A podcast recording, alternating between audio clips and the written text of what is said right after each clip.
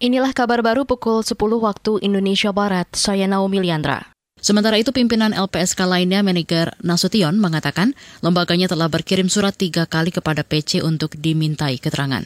Dalam panggilan awal, PC belum bersedia dengan alasan kondisi psikologisnya masih bermasalah.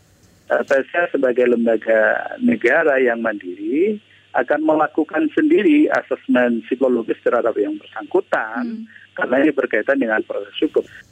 Itu tadi Wakil Ketua LPSK Meneger Nasution.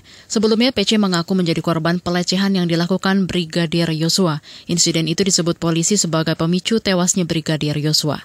Namun itu disangsikan keluarga Brigadir J. Kita beralih ke informasi pemilu. Komisi Pemilihan Umum KPU mengingatkan partai politik untuk segera mendaftar sebagai peserta pemilu 2024. Hingga kemarin baru 18 partai dari total 42 pemegang akun sistem informasi partai politik Sipol yang mendaftar.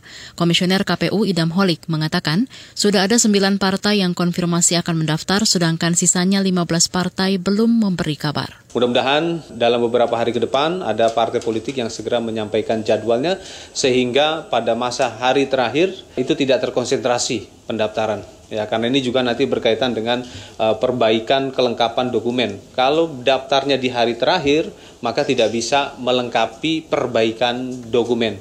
Karena kita ketahui ya berdasarkan pasal 176 ayat 3 Undang-Undang Nomor 7 tahun 2017 pendaftaran partai politik harus lengkap baru dapat diterima. Komisioner KPU Idam Holik mengklaim lembaganya terus mengingatkan partai pemegang sipol untuk segera konfirmasi jadwal pendaftaran sehingga KPU bisa lebih mudah mengelola jadwal dan pelayanan pendaftaran.